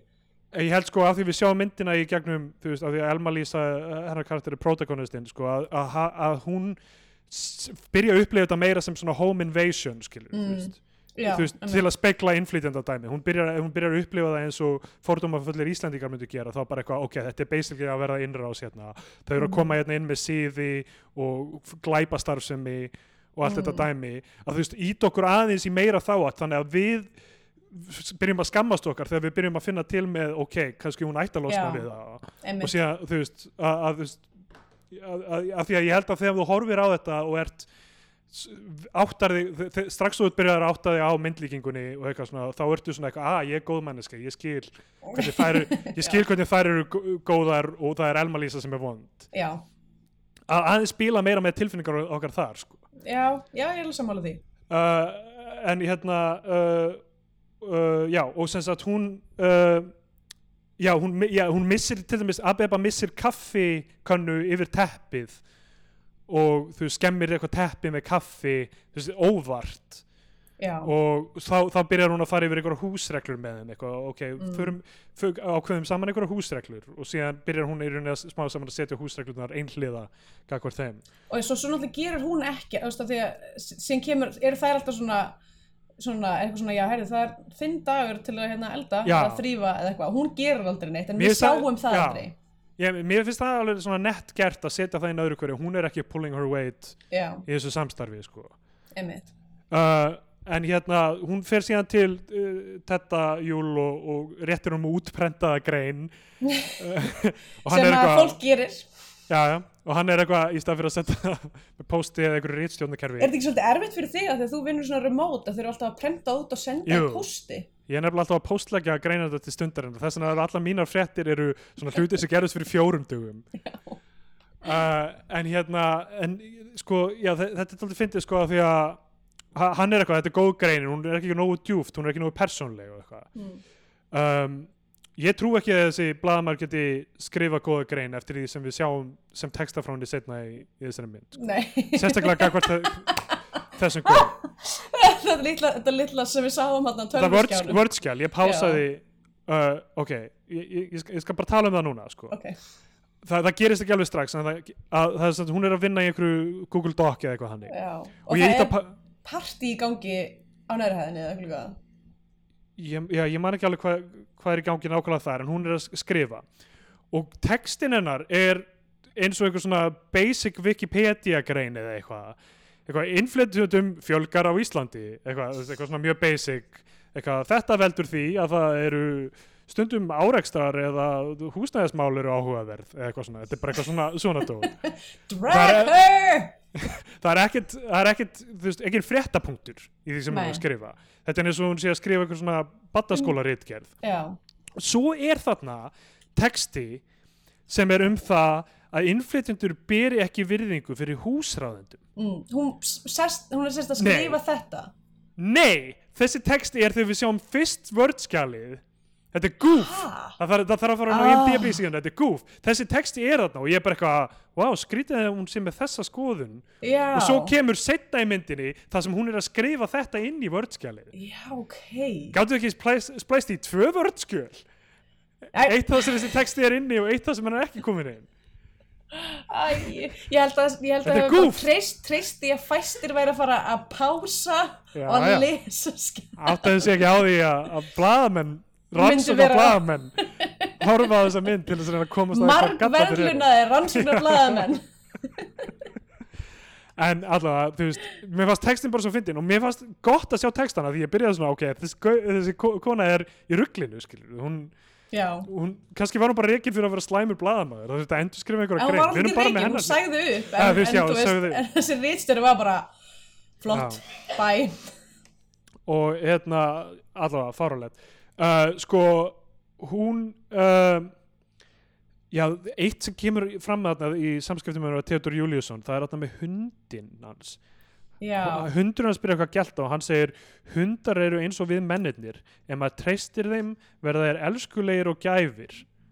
Mhm. Sem eitthvað svona eiginlega thesis statement en samt eiginlega smá klikkað hlutur til að segja um fólk. Já, einmitt, sem, sem sko að því að já, þetta er mjög, þetta er svona, maður er eitthvað svona já, þetta, sem thesis statement- virkar þetta en það sem er ótrúlega problematist við þetta er að, þú veist erlend fólk erlendu fólki er oft líkt við dýr. Já, já, einmitt. Og það er ekki lægi Já, já, þannig að þú veist að hafa þetta sem frá karaktindum sem virðist vera sá sem er með besta svona siðferðis kompásin einhvern sko. Já, nema hann er það samt eiginlega ekki. Nei, nei, eiginlega ekki heldur að, veist, ma- við, hann gerir úrsalega lítið í rauninni sko. mm.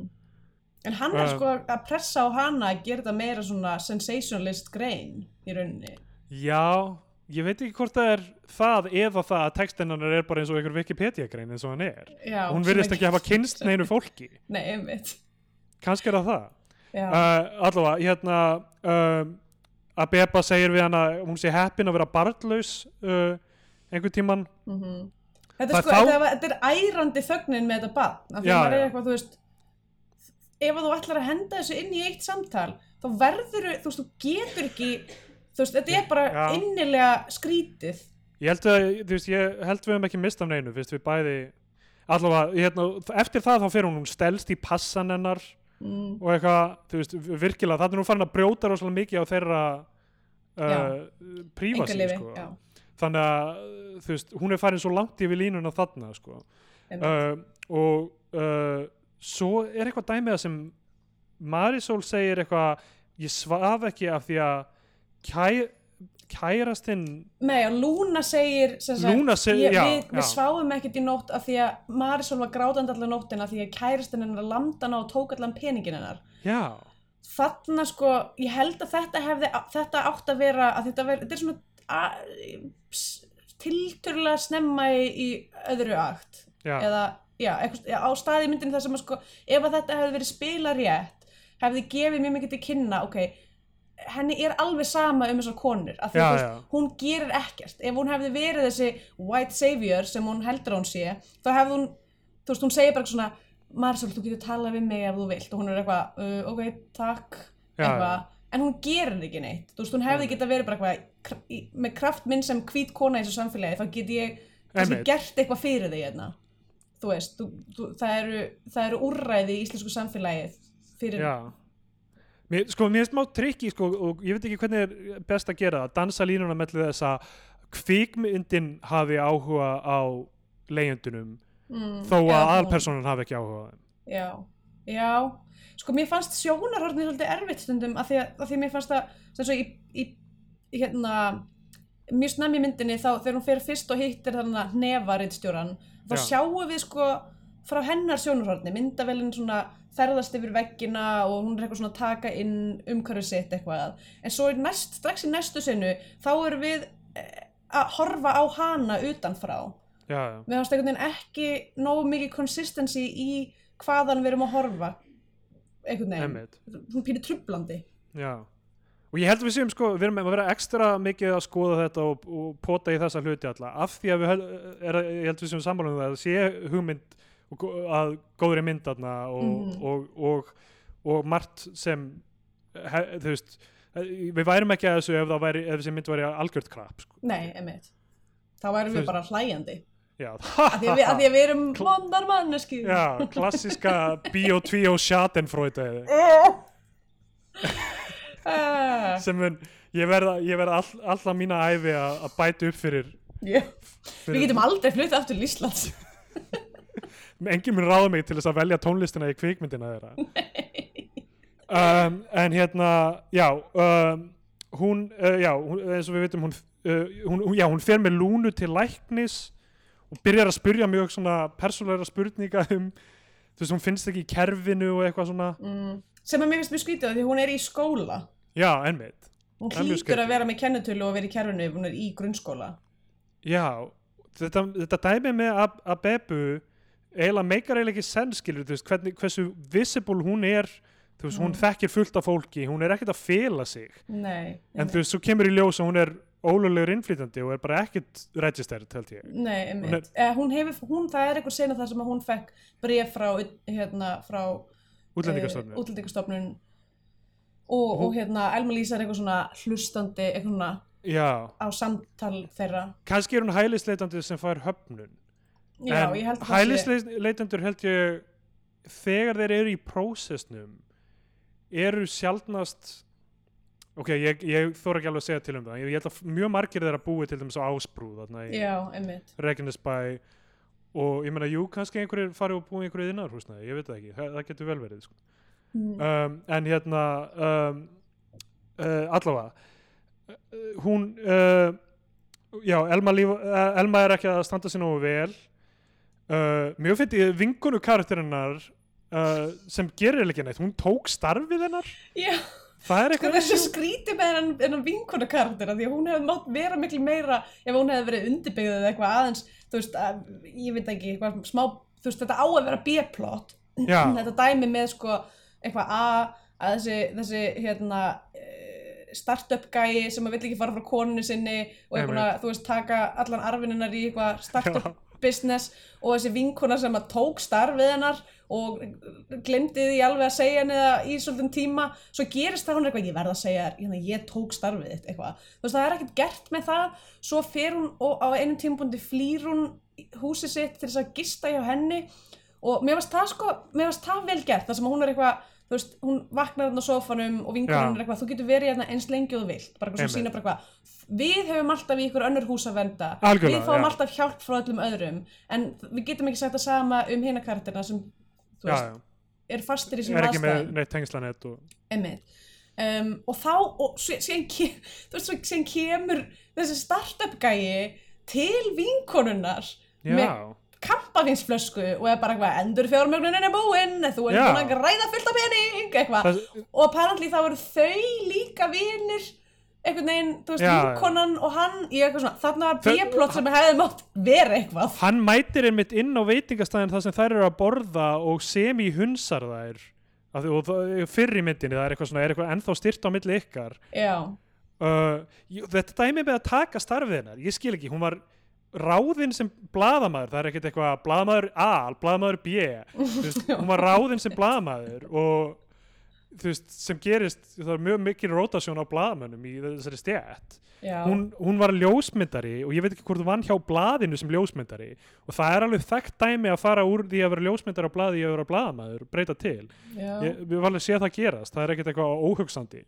Nei, Uh, en hérna, ég skil ekki akkur það ætti að vera eitthvað stórmál, sérstaklega ef það eru unnu saman eða hún vann í þessu fíld að hún skil, skuli vera allavega, Ah, hérna allavega, þetta var mjög skrítið. Uh, og sko uh, svo sem sagt uh, uh, já, hérna fer hún og klagar til eða þú veist, klagar til útlendingastof eða fer til útlendingastofnunar til að spyrjast fyrir um Um ferlið um ferlið og eitthvað. Þetta finnst mér sína líka aðeins og mikið gefa hvað er að fara að gerast sko. mm, já, einmitt, af því hún er eitthvað svona, hún er bara svona eitthvað, get, getur leigusali fengið upplýsingar um, um uh, stöðumála hjá innflytjanda eitthvað. Og hún er eitthvað, nei, það er ekki hægt en það er hægt að klaga fólk. Viltu klaga? já, hún er eitthvað, uh, nei, ekki strax. Já. þannig að þú veist maður eiginlega hlu, hlu, þú veist, strax og maður átt að segja á því að Elma Lísa sé uh, banker sko, algjörlega. Þá, þá getur þetta eiginlega bara farið á einn veg sko. þessi Já. myndir er ómöguleg ef hún myndi fá eitthvað change of heart og mér finnst það mjög áhverð af því við horfum á gullregn líka hina já, myndina um einmitt. þetta dæmi sem kom út í fyrra. Og án þess að viljum spoila gullregni fyrir fólki án þess að ef það hefur ekki hlustað á þáttina og hort á myndina þá er náttúrulega mjög áhverð ferli það sem er basically kona sem er fordómafull og þú veist, maður getur sagt er, það er ekki hennar örk hvort hún breytist í því eða ekki hennar, þeirri mynd, hún er bara fordómafull. Einmitt Já, sko, mér, ég hugsaði mikið um gullre- gullregna því þeir eru að koma út að svipa um tíma og eru einhvern veginn báðar að, að, með svipaðan einhvern veginn karakter. En að, á meðan gullregn fer sko alla leið í að gera bara hvað þetta er versta manneski sem hún við nokkuð tíman séð. Já, hún er svona óvertli fordómafull. Hún er svona útvarp sögu fordómafull svona, hún er bara til í að segja bara þessir helvitis útlendingar já, einmitt. En, en svo, þú veist, einmitt er, vant, eða þú veist, svona já, vantar það upp á í, í þessum karakter aðeins af því að hún Já. er, maður er einhvern veginn á báðum áttum svo lengi Ég held að þessi pælingi samt að þetta á að vera svona liberal svona fordómar, skilur þetta á að Mhm. vera, hún telur sig vera rosalega góða og eitthvað svona en er með þetta allt þannig já, menn þetta er alltaf undir niðri. eitthvað Já. svona Þetta er bara endalösa struggle okkar forröndita fólk sko, að Einmitt. reynsa sig að þessu sem maður er búin að alast upp í sko. já, Og sko, maður- ég held að það sé ekki hægt að reynsa sig af því Nei, nei, Ég- þú veist, það er bara fer... eina sem þú getur gert er bara að vera meðvitaður um fordómaðina og reyna að, þú veist, breyta gegn þú veist, eðlis á þinni algjörlega, það, ég meina það, ég held að sé bara eh, lífslangur prósess sko. mm og maður er alltaf, þú veist, ef maður byrjar að ímynda sig það sem einhvern áfangastað, áfangastað sem maður er orðin fordómalauðist þá, þú veist, það meikar engan senn sko. uh, hún hérna um, kærasti uh, Abebu er, við hittum hann, hann er einhver algjör höng já, úf og hérna hann, hann er bara eitthvað svona að fá sér einhvern mat úr ískapnum og eitthvað þannig og, og svo kemur vinkonennar eitthvað og bankar upp og hún felur sig fyrir henni en hún sér hann síðan inn um gluggan já, sem, um, ég fyndi allt uh, allavega og, og þá skrifar hún loksins þessa setningu um eitthvað ber enga virðingu fyrir húsræðendum. Mm og hún vill ekki, hún vill ekki að þær hafi næturgesti já hún byrjar að segja um að spara heita vatnið sem er fáránlegt, sorry. Já, heitt vatn á Íslandi kostar ekkert. Og uh, hún ætlar að rífa af Marisol úr kjól af því hún var búin að segja einhvern tíma við hana hei þú mátt bara fá lánuð föt af mér. Já, og svo ætlar Marisol eitthvað út á lífið í kjólavinnu hún ætlar bara eitthvað að rífa hann úr kjólunum þannig er hún orðin svo mikið klikkar en þær sko. já að veist balansin er svo augljós fyrir áhrandanum held ég. Uh, og þær eru byrjað að tala illum hana mjög hátt inn í stofu einmitt. og basic og það- hún er frekar hún er eitthvað, ekkert leynimokk já, hún sökkar frekar Mér mikið, þetta er bara að taka eftir hún sökkar þáttið, konan sem við leiðum hjá. Hún er eitthvað hleri. Það einmitt, en hérna mér fyndi sko, að því að, að því að þær eru báðar, bæði að Beba og Marsól og náttúrulega augljóslega mest Lúna því hún er barn en hlutunda þú veist, þær eru alveg frekar góðar í íslensku. Já, en mér varst bara svo, mér var svo óraunsætt að þær vissu hvað orðið leynimakk já, þitt. Að þið verður eitthvað svona kemur er aldrei við? upp. Það kemur, hver segir leinimak uh, og hún er byrjað að hóta refsi stigum og leigu hækkunum og alls konar byrjað að skrifa eitthvað reglur upp á töfluna. Mm hún fyrir aftur og reynir að fá vinnuna hjá blaðinu. Það er nú kannski að hugsa um bara ef ég er með annað bara source of income þá, mm. þá get ég hérna sparkaði þeim út uh, alveg. Já. og hún, hún kemur aftur, það er bara ákveða að flytja út. Það er búin að ákveða að flytja út Já, það er sérst eftir að þetta, þetta peningaresolution er búið að gerast. Þar sem að hún, hún var sérst, þær voru eitthvað svona, herðu, við ætlum að flytja, við viljum ekki vera hérna og þá var hún eitthvað, það var ekki, það var ekki búið að leysast þetta peningavandamál. Þá, þá var hún rosa mikið eitthvað svona, herðu, þið við að þá borga þrjá mánuði í leigu ef það ætlaði að fara. það kristallast líka þegar hún fer á bar og panta sér mojito uh, kortinu er hafnað, hún tekur eitthvað klink klink er eins og strætó. Já, bara, einmitt. með klink, hvað er í gangi? Reyðufjö er það er búið þetta út úr bara hugmyndafræði allra Norðurlanda bú, búaði yfir því Já, sko. einmitt. Bara er það að tala um? Uh, hérna þjóðverjar berjast mjög Hart fyrir reyðu fyrir fyrir reyðufjö og baráttunni gegn rafrænum viðskiptum. Já. eftirlit samfélaginu og hérna og, þú veist, öllu því sem sem er gott og Og- blessað og, og, að, og að gangast undir basically, þú þart að vera í viðskiptum við fyrirtæki sem á skuldirnar þínar. Já, til þess að nota ekki reyðufjö sem er já, banki eða kreditkortafyrirtæki eða hvað það er sko. um, stæmi, hérna, en allavega hún, uh, hvar voru við? já, hún, hérna, hún er búin að hóta þessum refsistífum og leikuhækkunum, reynir að fá Já. vinnurinn aftur og það er ákveða síðan að flytja og þá er hún bara eitthvað nei þau verða að borga þryggja mánuða Já. uh, og svo, svo bara gerst þessi laust eitthvað svona, þú ert búin að Já. fá peningarna hennar þrefald tilbaka eitthvað, þú ert bara mjög rík kona núna og þá er hún eitthvað, herðu, ég ætla bara að skila tryggingun ykkar, þið þurfum ekki að, þið getur bara farið já, já, þegar peningar leysa allt fyrir hvítumanneskinu en ekki hérna sko. Uh, og þetta, þetta myndi við pínu á hérna uh, dæmi sem að var þetta var eitthvað alveg fáránlega nest í dæmi hérna í Þýskalandi þar sem að var eitthvað svona herrferð þar sem að var að vera reyna að borga innflytjandum til þess að fara tilbaka. Já, einmitt? Emmi, það var mjög ljótt dæmi. Þegar, þegar, í, þegar hérna, uh, stóra uh, uh, bylgjan af, af uh, hælisleitundum komið frá Sýrlandi Já, í úr borgarastríðinu og hérna fyrir hvað tveimur árum, þremur mm og þá var gripið til þess að vera eitthvað að borga fólki til að fara tilbaka sem var klikkað sko. já, einmitt. Um, en einmitt, eitthvað svona haldandi bara eitthvað herðu, hérna takk bara þennan pening og farið. Eitthvað, ég nenni ekki að díla við eitthvað lengur. Ég var að ströggla þetta við að finna orð sem var ekki bylgja eða holskepla eða eitthvað annað sem gerir hugmyndunum innflytjandur eins og eitthvað tsunami. Þú veist, þetta er bara hve- hvernig er talað um fólk og, og bara ég var að reyna að leita eitthvað eitthvað í haustum hvernig segir maður migration á íslensku? um, Íslandingar þurfa ekki orðið við það. Uh, milli land það, það er að skrepa, skreppa til köpinn í eitt ár í hérna, líðháskóla það er eh, migration. Hvað kallaði maður hérna Æ, ég man það ekki um, en hérna, allavega en þær eru bara svona, herði, við ætlum bara að klára hana samning fyrst að þú, Já.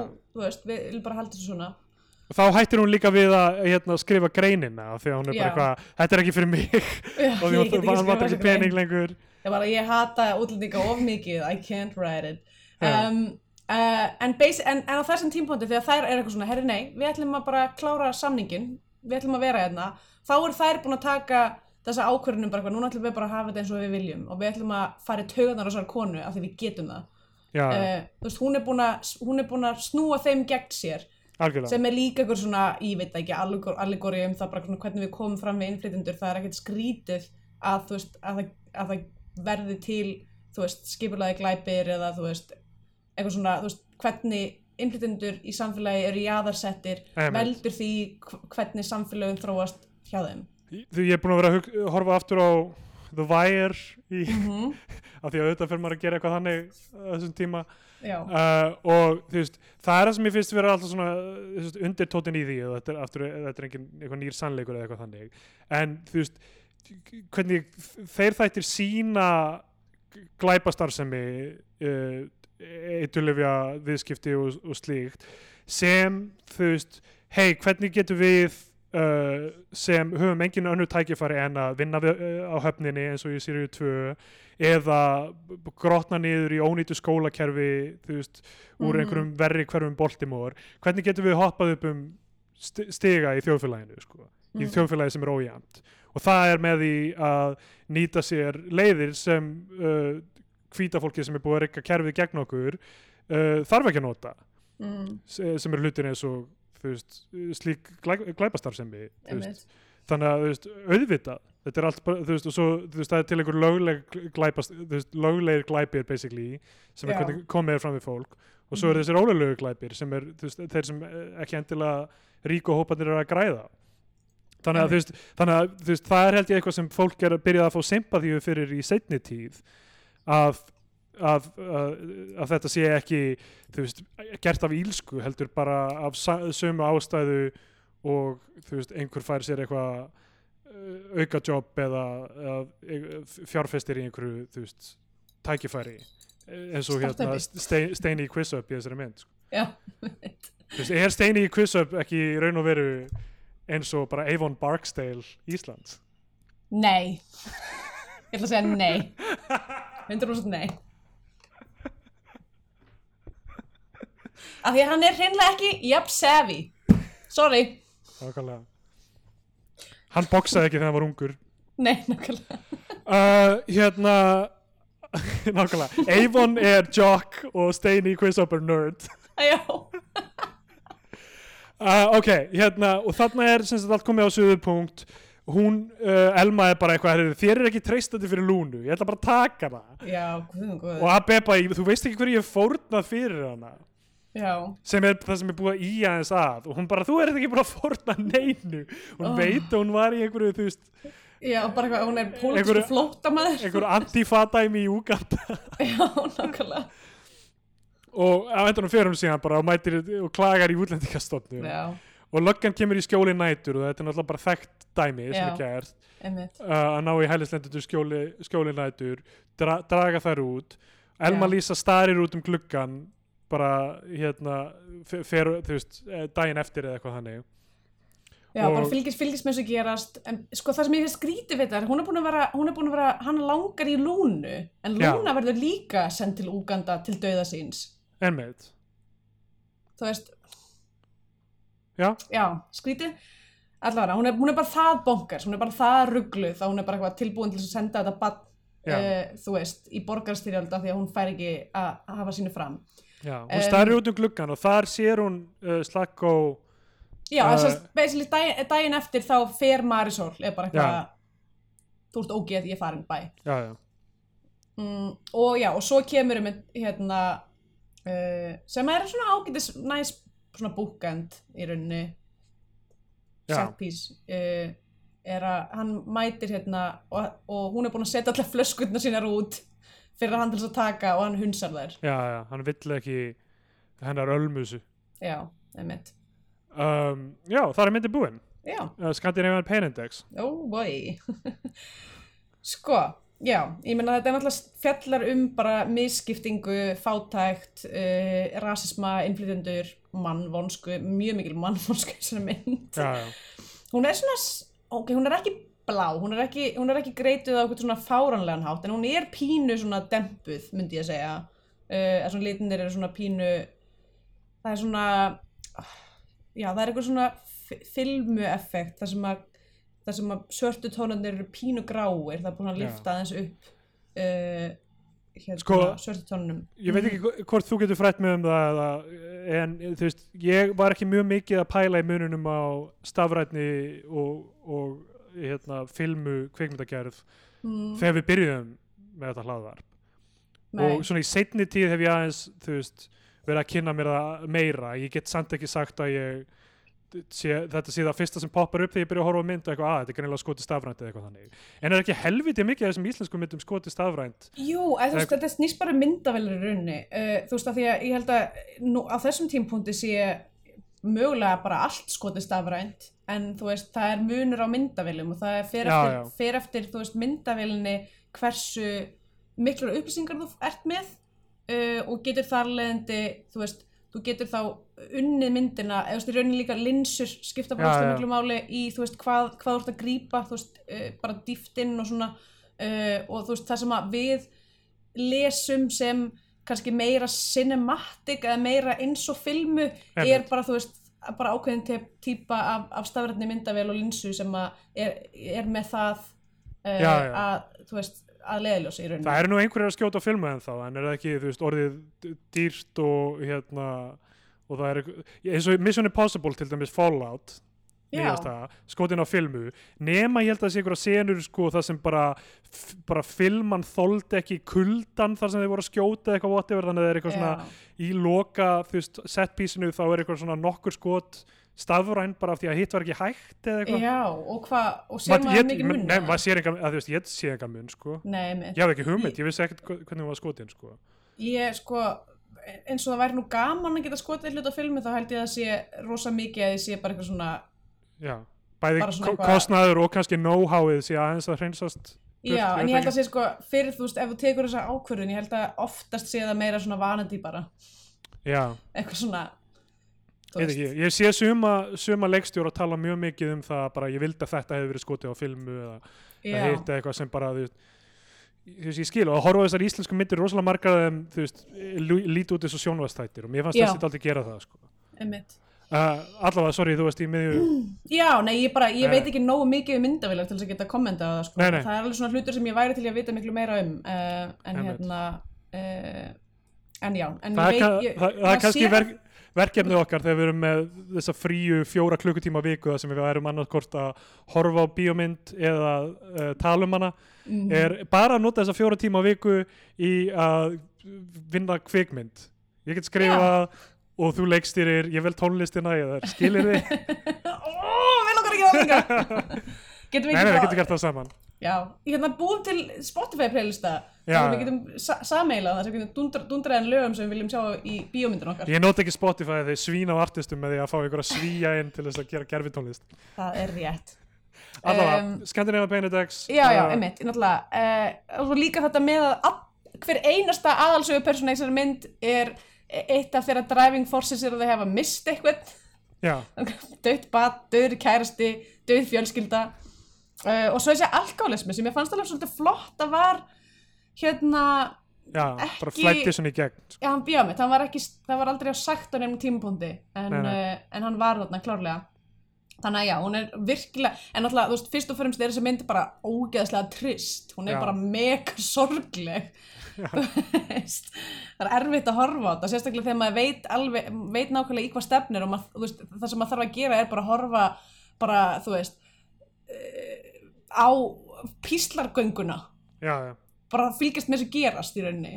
Um, þannig að já, ég veit ekki ég ætla bara ú, ætli ég gefa henni ekki um, heyrðu já, og svo glimtum hérna aðtýrin það sem að, sem að líka sumt af þessu fannst mér mjög vel gert og sumt svona minna einhvern veginn núansað en þegar hún ætlar að fara að endur nýja flöskur og er eitthvað að byggja um hjálp frá já, skilur ekki Hérna- hvernig hvernig það hvernig á virkar að endurvinna? Já, bara hvað íslendingur er þetta Nákvæmlega. um, kannski er einhver íslendingar sem eru það ríkir eða fara ekki með flöskur í endurvinnsluna. Hérna, ég ætla bara að gefa henni um, dí, dí, dí, uh, uh, átta af tíu prelútum eftir Chopin. já, ég held ég gef henni 19 uh, af 22 afró eitthvað. Uh, þá kom með tímabótið sem gefur myndin annað sess að flagskip íslenska kvikmynda og fara um íslenska fánan. Ef við mælum frekar með því að hlustendur horfum einhverja bandarinska Hollywood-dellu þá farum bandarinska bjánan. Um, sko, ég, eins og ég segi, ég las þessa letterboxd um, umsagnir fyrst uh, uh, hérna og þú veist, allar einstjarna Já. But this really did nothing for me. Selfish white saviorism with a hint of misery porn. Mm. Uh, it all just felt kind of pointless, unfortunately. Uh, I Mhm. don't understand why this film was made, segir annar, or why it was from the perspective of an upper class white woman who only straddled the emotional line of indifference and disdain. Mm. Uh, og svo þriðja sem er This was mind-numbingly garbage. og ég, ég var bara bú, sem ég búið myndir að vesta og kannski fór ég inn í hana með smá það hugarfar að eitthvað svona fuck, ég er bara stressaður fyrir hvernig þetta verður Mm. en svona sko þegar leið á þá hugsa ég ok það er margt í þessu þessi saga er sterk þessi undirleikandi sagan hennar uh, forréttindi byrja að blinda sín hennar og, og, og sagt byrja smám saman að gera fólkið svona expandable versus þú veist hérna hennar peninga eða þægindi eða hvað það er sko.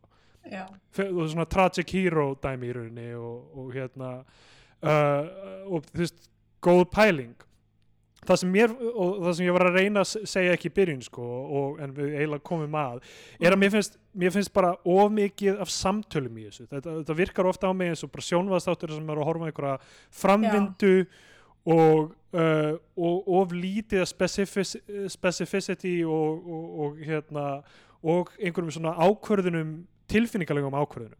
Já, og það sem ég held að hefði geta gert þessa mynd miklu betri hefði verið bara að sjá hana smám saman byrja að missa viti af því að þetta hús er þetta hús er sögursviðið já, að halda senum fyrir utan húsið bara í algjöru lágmarki byrja að sjá hana smám saman bara hérna byrja, að grotna niður og, og, og, verða efins og byrja að verða kannski afbríðsum eða þú veist byrja að sjá bara svona tilfinningaleg viðbröðin stærri og meiri og, og, og það hefði verið að geta, geta gerst með kameruvinnu og myndmáli og slíku en í staðin er framvindan spilast út bara mjög þægilega og uh, maður endar á að púsla saman því sem er áhugaverðu sögurþráður og, og slíkt og maður púslar því saman og er bara já ok, þetta er allt saman að gerast í staðin fyrir að finna það sko. virkilega Einmitt. svona og þess vegna er endurinn, það sem þær eru tekna burt þá er ég bara ok, þetta hlaut alltaf að fara þannig. Það er aldrei, hún átti aldrei raunverulega sjens á að ekki gera þetta.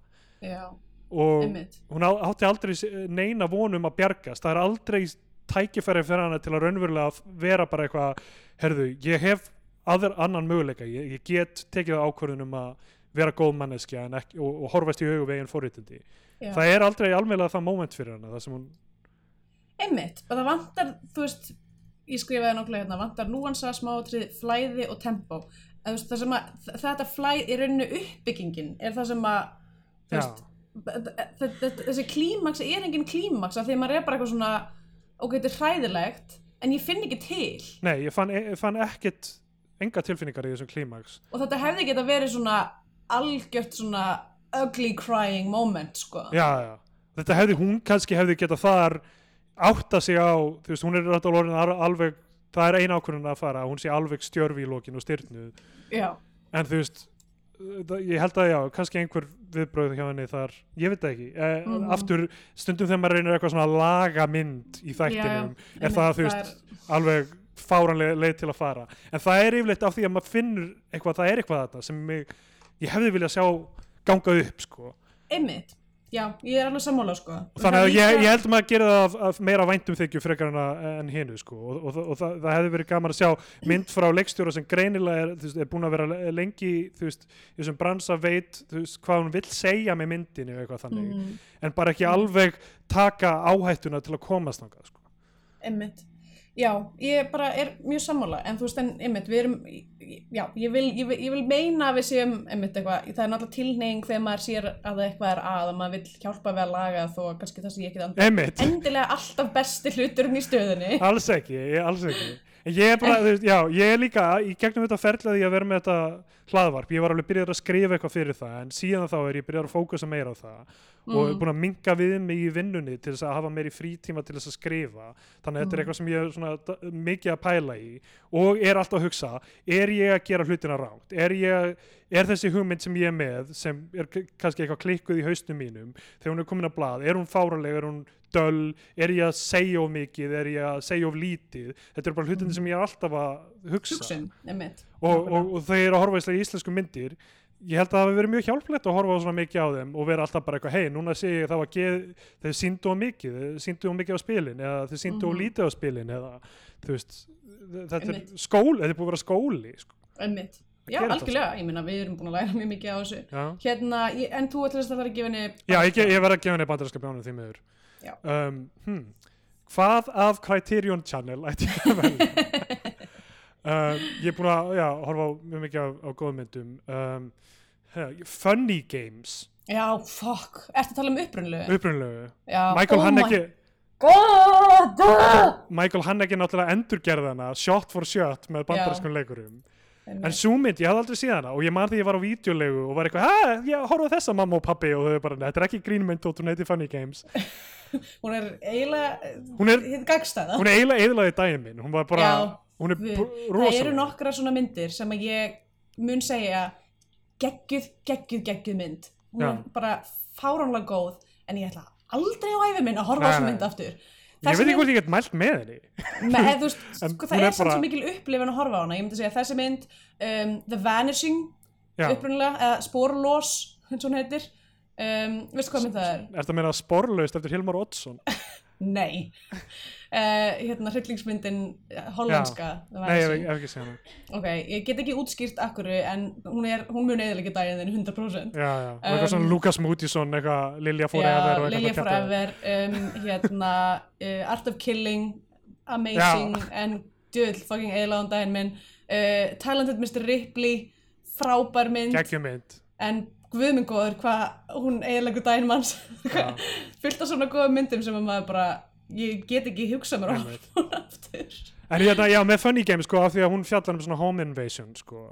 veist, það, það fekk mig til að hugsa svo mikið um eitthvað, ó, e- þú veist, er, get, getum við séð þessar tilfinningar smá Já.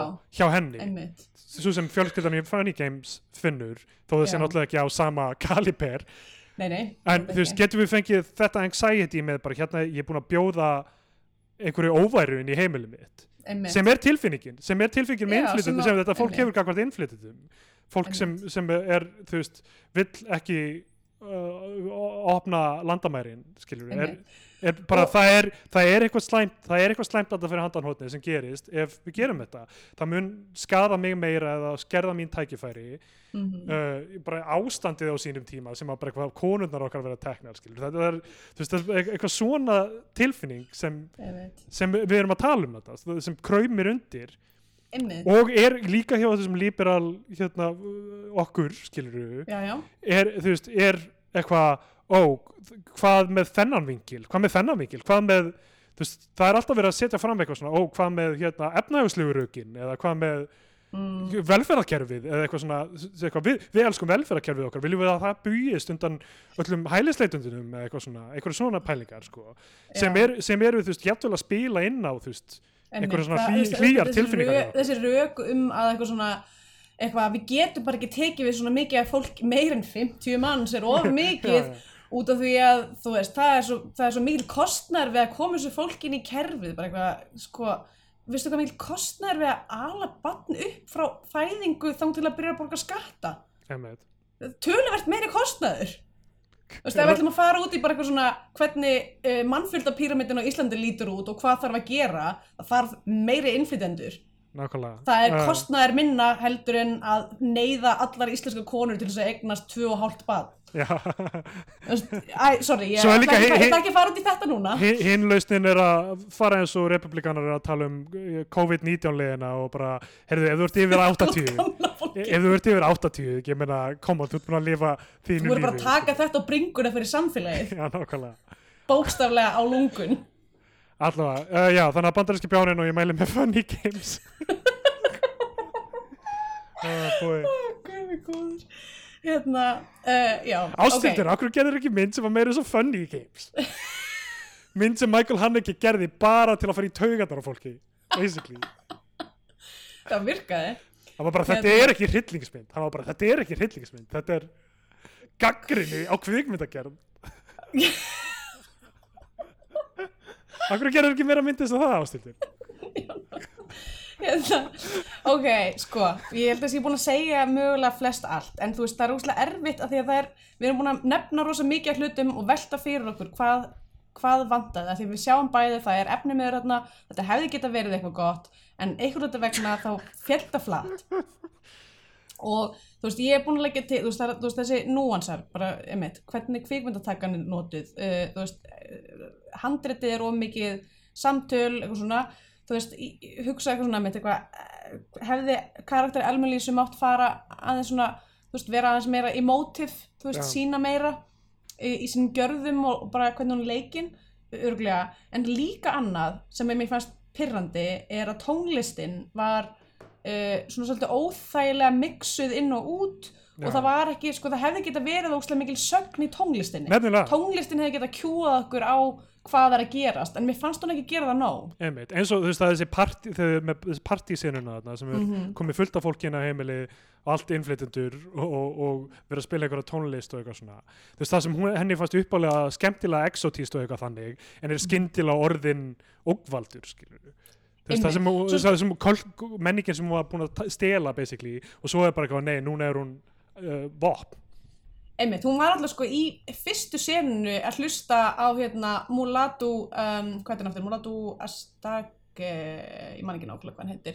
Hérna, jazz, hérna, hvort hann sé ethiopísku jazz já, leikari þú veist, áður en hún tekur inn innflytjendur og allt sko, hún er nú þegar bara eitthvað að, að allavega, ég veit ekki, mér fannst bara einhvern veginn svona, uh, hefði mátt vera kannski aðeins sterkara, allavega, ég ætla ekki að fara meira út í það, við, við erum búin að tala já, um fara hvað- fyrst að, þannig að ég, þú veist, já, get ekki gefið henni íslenska fánan heldur uh, en þú veist, já, ógslag gaman samt að taka svona, þú veist, virkilega taka einhverja myndar sem er eitthvað, að það að það yfirleitt, eins og við sögum áður er það hins einn, það sem er eitthvað, sagan er léleg það er ekkert að gera hérna einmitt. um, Mér finnst þið gullregn, andið eðlilega, mikið af Mhm. eitthvað svona, þú veist, Já. mismunandi levelum af eitthvað, hei, innflytjendur eru góðir, við, við, við vitum það er ekki.